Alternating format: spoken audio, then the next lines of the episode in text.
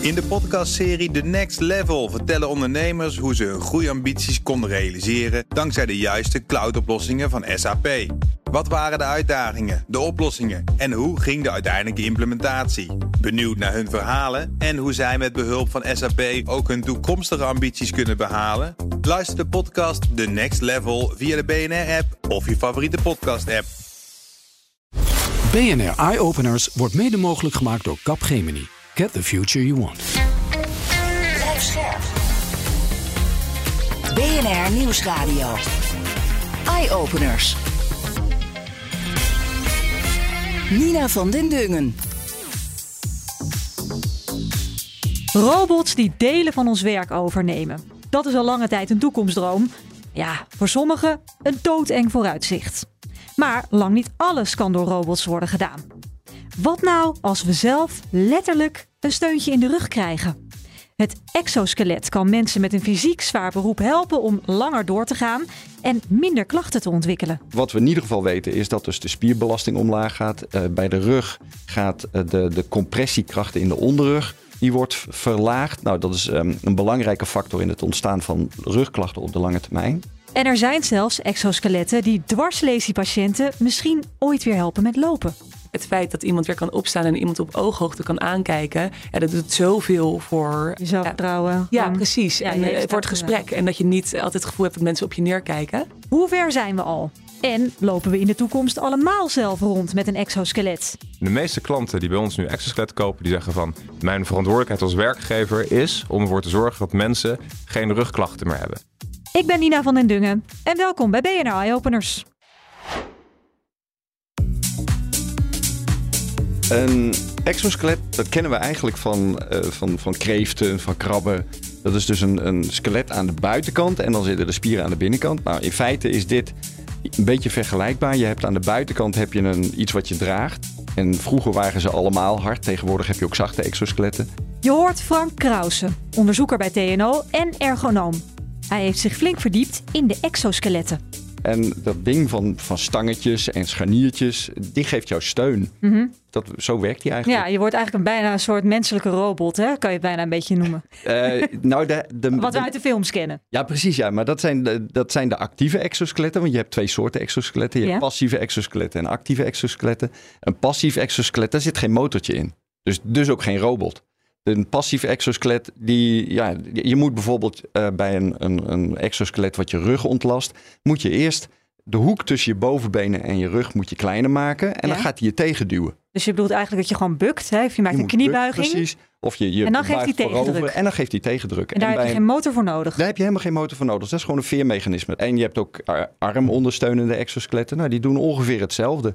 Dus die duwen je arm omhoog. En om hem te laden moet je eerst je arm naar beneden brengen. Dus ook ja, een veermechanisme. Dus eigenlijk helpt zo'n exoskelet jou dan in het bewegen. Ja. En dan ergonomisch verantwoord bewegen. Want daar is zo'n heel passief exoskelet op gebouwd. Ja, nou wordt het een beetje ingewikkeld. Ja. Want ergonomisch verantwoord, dat is een term die ik zelf niet gebruik. Waarom niet? Um, omdat ergonomie een, een, een, een richting is of een, een, discipline is waarbij we proberen het werk aan de mensen aan te passen. Um, en uh, en, en je, wij er dus niet op uit zijn om mensen aan te leren hoe ze gezond moeten bewegen. Dus wat, een, hè, wat je zegt, misschien een ergonomisch verantwoorde manier. Maar een gezonde manier van bewegen. En wat, we, wat het exoskelet, wat je met het exoskelet wil, is um, de belasting verlagen. De belasting die er is. Maar de beweging die blijft hetzelfde. Ja. Dus op het moment dat de beweging schadelijk is voor je gewrichten, dan hou je dat. Ja. Maar, de, maar de, ja, je, je, je wordt minder moe.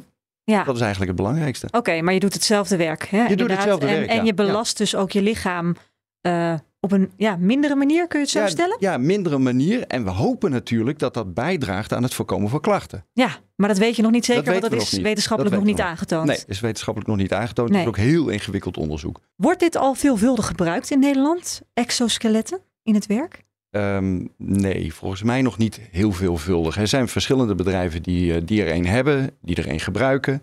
Maar je kunt niet zeggen dat het op hele grote schaal bij bedrijven wordt toegepast. Oké, okay, en waar wordt het bijvoorbeeld wel gebruikt? De uh, stucadoors. Er zijn verschillende stucadoors die ermee werken. En dan vooral de plafonds. Want die, uh, ja, dat is, dat is gewoon zwaar werk. Vreselijk, hè? Je, je Ja. hoofd in je nek leggen Ja, ja, en naar boven en, En- dan boven je macht werken. Nou, daar hebben we ook veel onderzoek naar gedaan. We hebben, eh, we hebben in het begin hebben we gewoon op de bouwplaats gekeken. Heeft zo'n exoskelet zin? Want dat moet je altijd eerst bekijken. Daarna hebben we ze een exoskelet aangedaan. Gewoon probeer maar eens uit. Wat vind je ervan? Nou, dat, dat leek eh, nog steeds potentie te hebben. Toen zijn we het lab ingegaan. Hebben we mensen hebben stucadoors, stucadoorswerk laten doen. Hebben we spieractiviteit gemeten. En gewoon gekeken van werkt dat nou? Doet hij nou iets? Nou, dat bleek heel gunstig. 30 tot 40 procent minder spieractiviteit. Zo. En daarna hebben we, exoskel- hebben we stucadoors in de praktijk gevolgd. Hebben ze een exoskelet meegegeven en gekeken van gaan ze hem nou ook echt gebruiken? Want Ja. die stap, die... Is dat een grote stap ja, ja mensen? dat, dat- dan hebben ze een exoskelet aangeschaft en dan belandt hij toch in de hoek. En hoe komt dat? Onder andere imago. Van, Ja. ja. maar we hebben dat niet nodig. Ja, dat is voor Ik ben sterk genoeg. Ja, ik ben precies. sterk genoeg. Ja, ja. En, en het, is ook een, het is natuurlijk ook een, een lastig punt. Want ook zonder het exoskelet kun jij het werk uitvoeren. ja, maar ja, inderdaad, met wellicht meer klachten tot gevolg. Eerder moe zijn, zwaarder werk. Ja, precies. Nou wil ik dan wel eens zelf ervaren hoe het is om zo'n exoskelet aan te hebben. Rogier Barens is CEO van Levo, een bedrijf dat passieve exoskeletten, dus zonder motor maakt. En hij gaat me zo in zo'n exoskelet hijsen. Nou, je krijgt een exoskelet aan eh, dat eh, op het moment dat je voorover bukt, de energie die in jouw bovenlichaam zit, weggeeft aan, de, aan het veersysteem wat op je heupen zit. Ja. Dus dat is eigenlijk het passieve karakter ervan. Dus de energie wordt tijdelijk op een slimme manier opgeslagen. En op het moment dat je weer overeind komt, wordt het weer teruggegeven. Dus het heeft geen externe energiebronnen nodig, maar het helpt je wel. Oké, je houdt hem nu omhoog. Ik zie inderdaad meteen twee. Ja, wat zijn dit bij je knieën? Het zijn een soort plateautjes.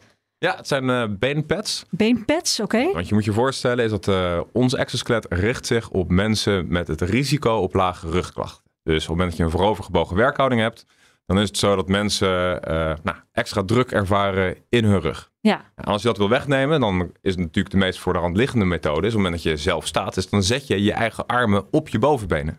Dus dan, dan steun je dus eigenlijk je bovenlichaam af met je armen op je bovenbenen. Nou, en dat is precies wat het exoskelet doet. Dus om terug te komen op die twee plateautjes. ja. Dat zijn eigenlijk je handen, die dus normaal gesproken op je bovenbenen zitten. Die geven tegendruk. Precies, maar nu is het je exoskelet. Ja, ja. En ik zie dan dus een harnas. Ik krijg een soort vest aan. Een rits met een ritsje als een soort duikerspak. Ja, En een wetsuit-achtig iets. ja. En dan loopt, wat loopt er dan naar de pads toe? Wat zijn dat Lopen- voor kabels? Dat zijn, ehm, dat zijn eigenlijk geen kabels, maar dat zijn eh, veerstructuren. Dus je moet je voorstellen, is dat, eh, dat vestje, dat zorgt dan voor een druk op je bovenlichaam. Zodat je als je voorover bukt, dat je er echt in kan hangen. Mhm. En dat vestje, dat loopt naar je rug toe. En bij je rug, daar wordt het verbonden aan een veersysteem, een veerstructuur. Harde structuur, eigenlijk meer eh, voor iedereen die die hier naar luistert. Meer, eh, moet je voorstellen, als stangetjes waar het eigenlijk aan hangt. Ja, Die stangetjes, die gaan vervolgens naar je heup toe. En van je heup gaan er weer twee stangen naar die beenpads op je bovenbenen. ja, ja. Dus het, het, het, het brengt echt de kracht van je bovenlichaam via je, zeg maar, dus dat ex- externe skelet naar je heup, naar je bovenbeen. Oké, blijft een beetje moeilijk voor te stellen. Dus tijd voor mij om de proef op de som te nemen. Ik heb het ding aan. Ehm, dat ging verrassend snel. Maar de eerlijkheid gebied te zeggen dat we hem even één keer al hebben aangedaan om hem even op mijn maat in te stellen. Ja. Maar zit hij dus eenmaal op je maat, dan heb je hem in 20 seconden aan. Ja. Ehm, het voelt een beetje alsof ik wel iets op mijn heupen draag. Hè? Dit, ja. dit is wel. Dit is wel een. Wat is het gewicht? 3,5 kilo. 3,5 kilo. En daarvan rust het meeste op mijn heupen. Ja. Ik ben ook wel een backpacker, dus ik ben op zich wel iets gewend. Ja. En wat doet dit ding nou? Nou, op het moment dat jij nu voorover bu- bukt, dan voel doen. je dat er een druk wordt uitgeoefend op je borst. Waardoor je weer eigenlijk terug wordt geduwd. Dus je kan er eigenlijk echt in, kan echt in hangen. Ja? Eh, en die kracht die wordt gegenereerd door de kracht die op je bovenbenen wordt uitgeoefend. Ja, Dus-. Ja, en je normaal die gesproken... pads, die, die zetten heel veel druk. Die houden Ja, eigenlijk normaal gesproken tegen. voel je die kracht niet. Want Ja. normaal gesproken zijn namelijk de compressiekrachten in je ruggenwervel die ervoor zorgen dat je overeind wordt gedrukt. Ja. En daar zit nou de crux. Is dat, dat zijn dus eigenlijk de slopende krachten in je lichaam die ervoor zorgen dat, je gaat, dat er slijtage optreedt. Eh, en omdat je ze niet voelt, ben je er niet van bewust totdat het te laat is. Dus iedere keer dat je voorover bukt en je voelt die kracht op je bovenbenen, dan voel je ook iedere keer, oké, dit heb ik in ieder geval niet op mijn ruggenwervel opgevangen. Nee. Je zegt, dit is er eentje die dus je rug ondersteunt. En Ja. dat is dus handig voor mensen die veel bukkende bewegingen moeten maken. Ik denk aan stratenmakers, maar die zitten veel op hun knieën als ik het goed heb. Dus Ja. voor, wie is, voor wie is dit nou handig? Ja, stratenmaker is een heel mooi voorbeeld. Want bij het eh, aanleggen van eh, mijn eigen tuin heb ik op een gegeven moment dus ook eh, daar het terras gelegd. Ja, ik had natuurlijk die exoskeletten. Dus ik dacht, ik ben Je bent toch gek, hè? gek als ik niet zeg maar dat eh, zonder een exoskelet doe. Of niet met een exoskelet doe. En ehm, Ik heb dat eh, eh, een half uurtje gedaan. En na een half uurtje moest ik mijn kinderen wegbrengen. Exoskelet uitgedaan. En toen kwam ik terug. Nou, toen kwam ik al vrij op achter dat toen ik vervolgens vijf minuutjes aan de slag ging zonder exoskelet. Ik dacht, nou, ik ben een gek in mijn hoofd als ik niet dat ding weer aantrek. Want ik voelde het meteen in mijn rug. Dus Maar wat voel je dan? Wat is het verschil? nou, je voelt vooral eigenlijk de spierspanning in je rug. Dus, dus waar we over het hebben is over lage rugklachten. En dat gaat over het algemeen dan over slijtage van de tussenwervelschijven. En dat komt doordat er dan heel veel compressiekrachten in je ruggenwervel zitten. En die compressiekrachten zijn een direct gevolg van de spierspanning langs je ruggenwervel. Mhm. Dus op het moment dat jij dit exoskelet draagt, dan wordt jouw bovenlichaam op zo'n manier gebalanceerd en ondersteund, dat die spierspanning af kan nemen, waardoor de compressiekrachten in je ruggenwervel afnemen. Dus wat je direct voelt, is dat je minder spanning hebt in je spieren. En lange termijn gevolg is dat je minder slijtage hebt van je rug. Ja. Dus je voelt het vooral zeg maar, dat je eigenlijk minder hoeft samen te, spannen, samen te trekken. Maar uiteindelijk levert op de lange duur levert ook minder, minder slijtage op. ja, dat klinkt prachtig, maar het is nog niet wetenschappelijk aangetoond. Nee, eh, in zoverre als je zegt ik wil AB testen, waarbij je dus eh, eh, 100 mensen uitrust met een exoskelet en 100 mensen zeg maar zonder exoskelet. En dan ga je het de langere tijd volgen. Dat is inderdaad nog niet gebeurd. Mhm. Maar eh, wij hebben meerdere voorbeelden van de implementatie van exoskeletten. Waarbij dus mensen aan het verzuimen waren zonder exoskelet. Maar vervolgens een exoskelet aangemeten kregen. En weer volledig gereïntegreerd waren. Omdat ze gewoon geen pijnklachten hebben. En dat, waren de, dat was de curatieve case. Die eigenlijk voor ons de minst interessante is. Mhm. De meest interessante is de preventieve case. Maar dat is eh, misschien eh, one shot too far. Want dat betekent dat je gezonde mensen moet overtuigen om een exoskelet te gaan dragen. Ja. Degene waar we de grootste impact hebben, het is secundair preventief. Dus mensen die ooit een keer rugklachten hebben ervaren, er bewust van zijn dat ze het risico hebben op rugklachten. En daar hebben we bijvoorbeeld in de zorg meerdere voorbeelden van. Dat mensen echt onze brieven schrijven. eh, om ons te, bij wijze van ons omarmen. Van jongens, dank jullie wel dat jullie dit voor mij hebben gemaakt. Want ik kan mijn werk kan ik nu weer op een veilige manier doen. Dus terug te komen op je opmerking. Het is nog niet bewezen. Nog niet in de vorm van een A-B-test 100 versus 100. En eh, wat zijn de rugklachten op lange termijn? Want Mhm. dat zijn hele grote testen. Maar wel eh, op individuele basis, waarbij overduidelijk is dat mensen zeggen: maar, ik word geholpen door het exoskelet. Ja. Punt. Ja. Nou ja, ik vraag het ook vooral omdat jij natuurlijk gewoon een commerciële partij bent en jij wil zoveel mogelijk exoskeletten wegzetten. Ik kan me voorstellen dat de gemiddelde werkgever, eh, het is namelijk best een investering, hè? Wat, wat kost zo'n exoskelet?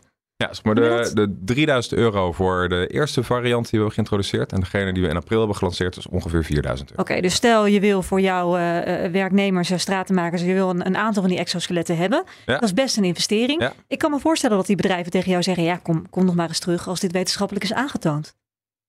Ja, ehm, Loop je daar tegenaan? bijna niet. Omdat rugklachten zijn namelijk bekend. Hè, dus iedereen weet, eh, rugklachten hebben een hele grote impact. Niet alleen zeg maar, op eh, mijn bedrijfsvoering, maar ook op het moraal onder mijn mensen. Zorg ik goed voor mijn, voor mijn mensen of niet? En de meeste klanten die bij ons nu exoskelet kopen, die zeggen van... ik moet daar wat aan doen. Mijn verantwoordelijkheid als werkgever is om ervoor te zorgen dat mensen geen rugklachten meer hebben. Ja. Hè, eh, nou, iedereen, iedereen die heeft natuurlijk zeg maar, onlangs meegemaakt wat bijvoorbeeld in Schiphol is gebeurd.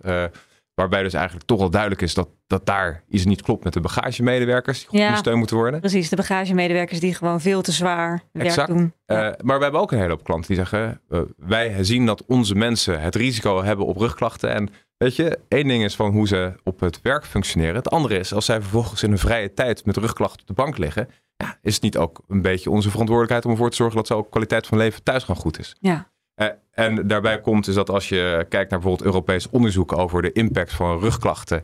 Nou, dat is bijvoorbeeld in, in Duitsland hebben ze teruggerekend. Dat gaat om ongeveer 7000 euro per medewerker per jaar. Hè? Dus Hmm. direct kosten als gevolg van lage rugklachten. Als je uitvalt. Ja, Ja. De, de, eh, dus de kosten die je zeg maar hebt aan een exoskelet, die worden over het algemeen heel snel terugverdiend. En nog even terugkomend op zeg maar, dus, eh, jouw opmerkingen van zojuist. We hebben klanten die dus een test met zeg maar, eh exoskeletten deden. Daar dusdanig enthousiast over worden dat ze vervolgens een groot aantal hebben aangeschaft. In dit geval bijvoorbeeld foto van Ziggo.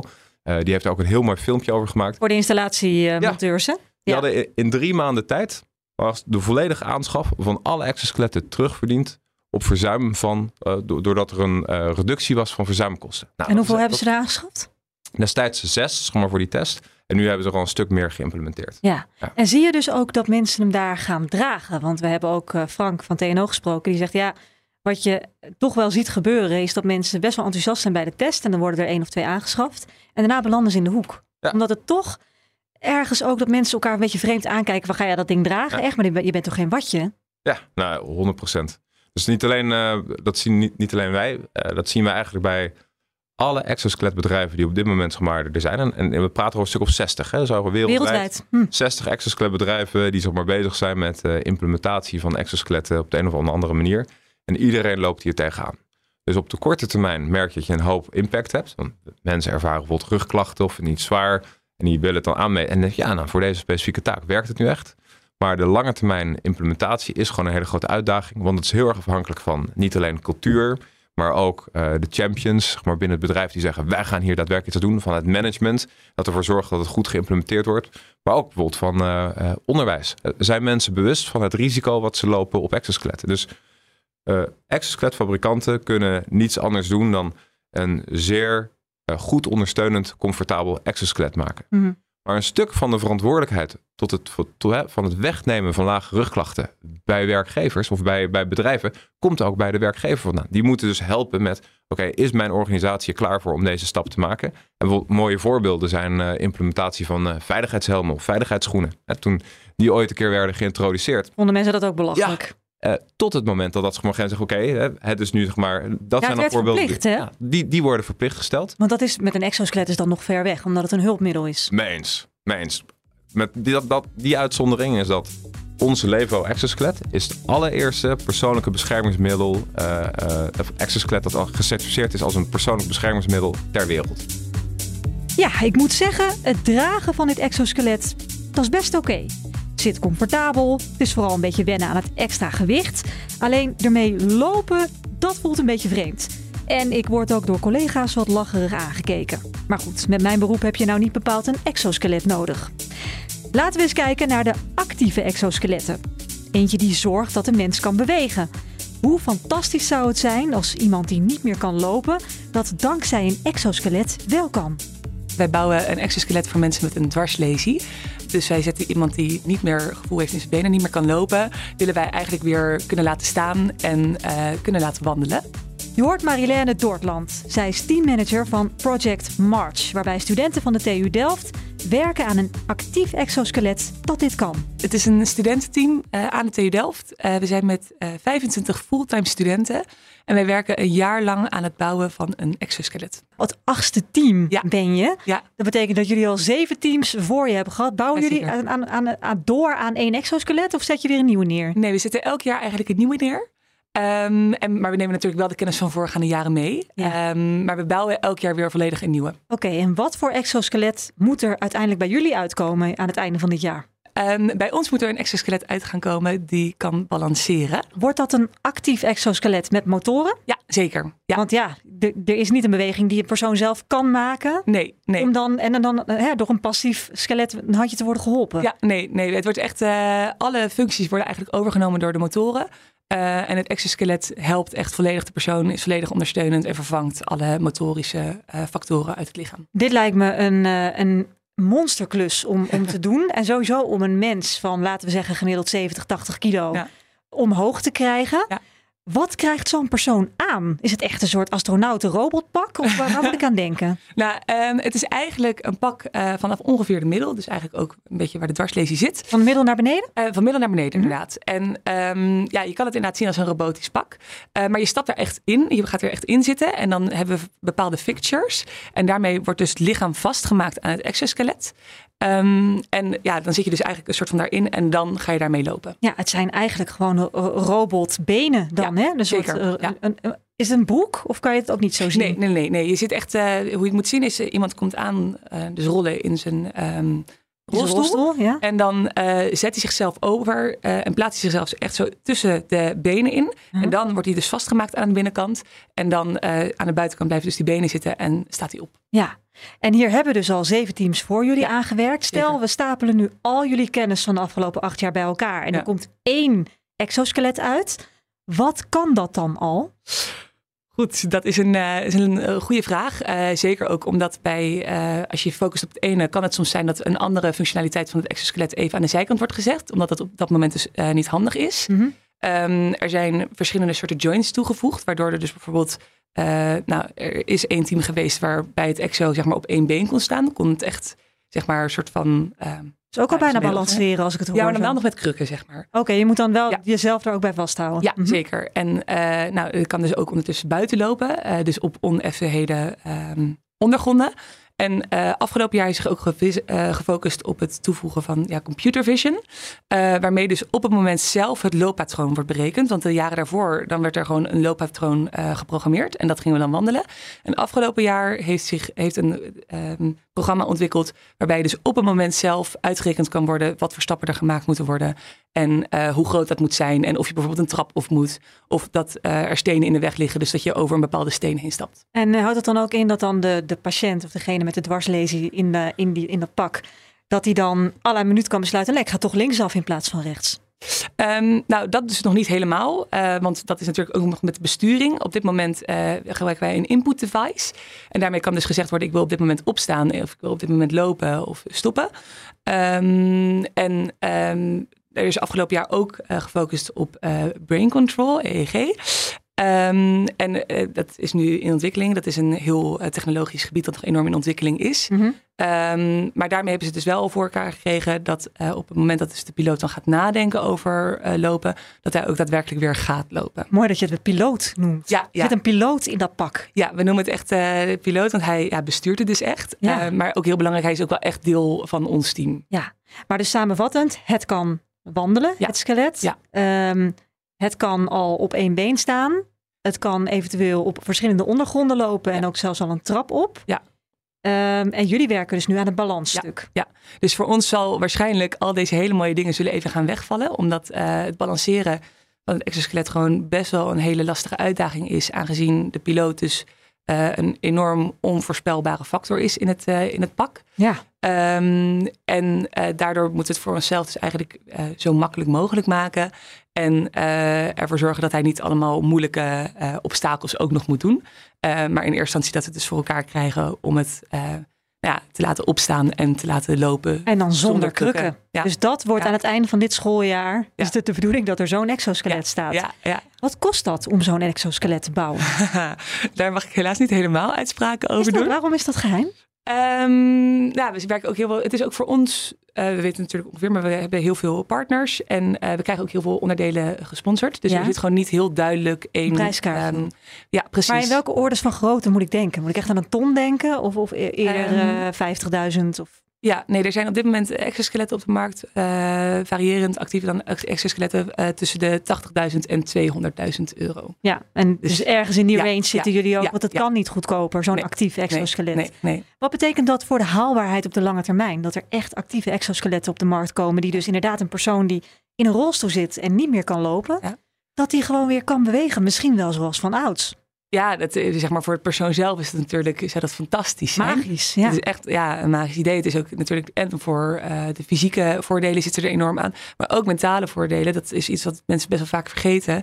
Maar het feit dat iemand weer kan opstaan en iemand op ooghoogte kan aankijken. Ja, dat doet zoveel voor. ehm, Je zelfvertrouwen. ja, precies. ja, en je eh, voor het gesprek. En dat je niet altijd het gevoel hebt dat mensen op je neerkijken. Ehm, ja, eh, of het dus inderdaad qua dus prijscategorie mogelijk is. Het zou mogelijk zijn als het meer in de zorgpakketten komt. Eh, maar ja, dat is natuurlijk... Nu nog niet het geval. Nee, nee. Bestaan ze al wel wereldwijd? Dus de exoskeletten die inderdaad mensen met een dwarslesie al eh, overeind halen. Ja, ja, ze worden ook zeker al gebruikt voor revalidatie. Ehm, maar het is dus niet, er zijn er wel op de markt, maar het is niet een booming business, om het zo maar te zeggen. Nee, en, en jullie, jullie doel is om er zelf uiteindelijk één te ontwerpen. Ja. Maar heel bot gezegd, ja, bestaat al. Dus waar werk je dan aan? Eh, nou, aan het verbeteren, want eh, nou, het, is, is niet een hele grote ja, markt, om het zo maar te zeggen. Het is een handicap waar nog niet heel veel onderzoek naar is gedaan. Ehm, en daardoor is ook gewoon de technologie daarachter nog niet eh, super ver. Dus wij zijn eigenlijk alleen maar bezig met het ja, pushen van de boundaries, om het zo maar te zeggen.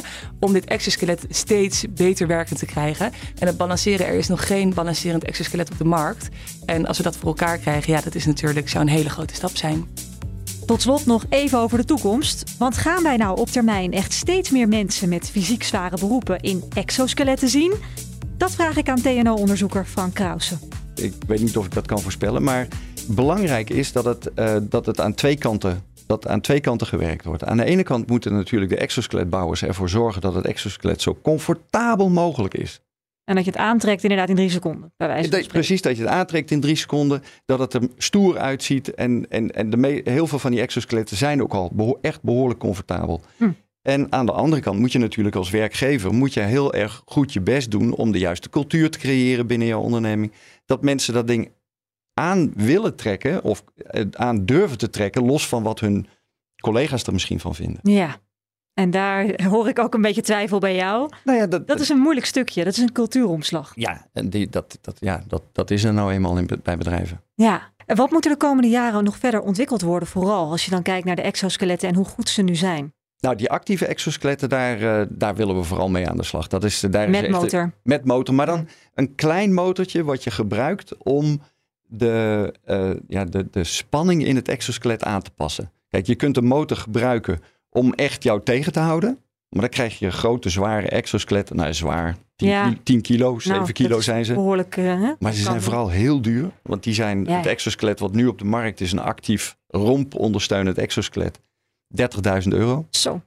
Dat zijn forse bedragen. Dat ga je niet zomaar doen als werkgever. Nee, dat Nee. denk ik ook niet. Maar de, de, een actief exoskelet waarbij je alleen maar kleine motortjes hebt om een, een veer extra te spannen. Daar kun je misschien ook een, een, een heel adaptief exoskelet mee maken. Die zich dus veel beter kan aanpassen aan de praktijk.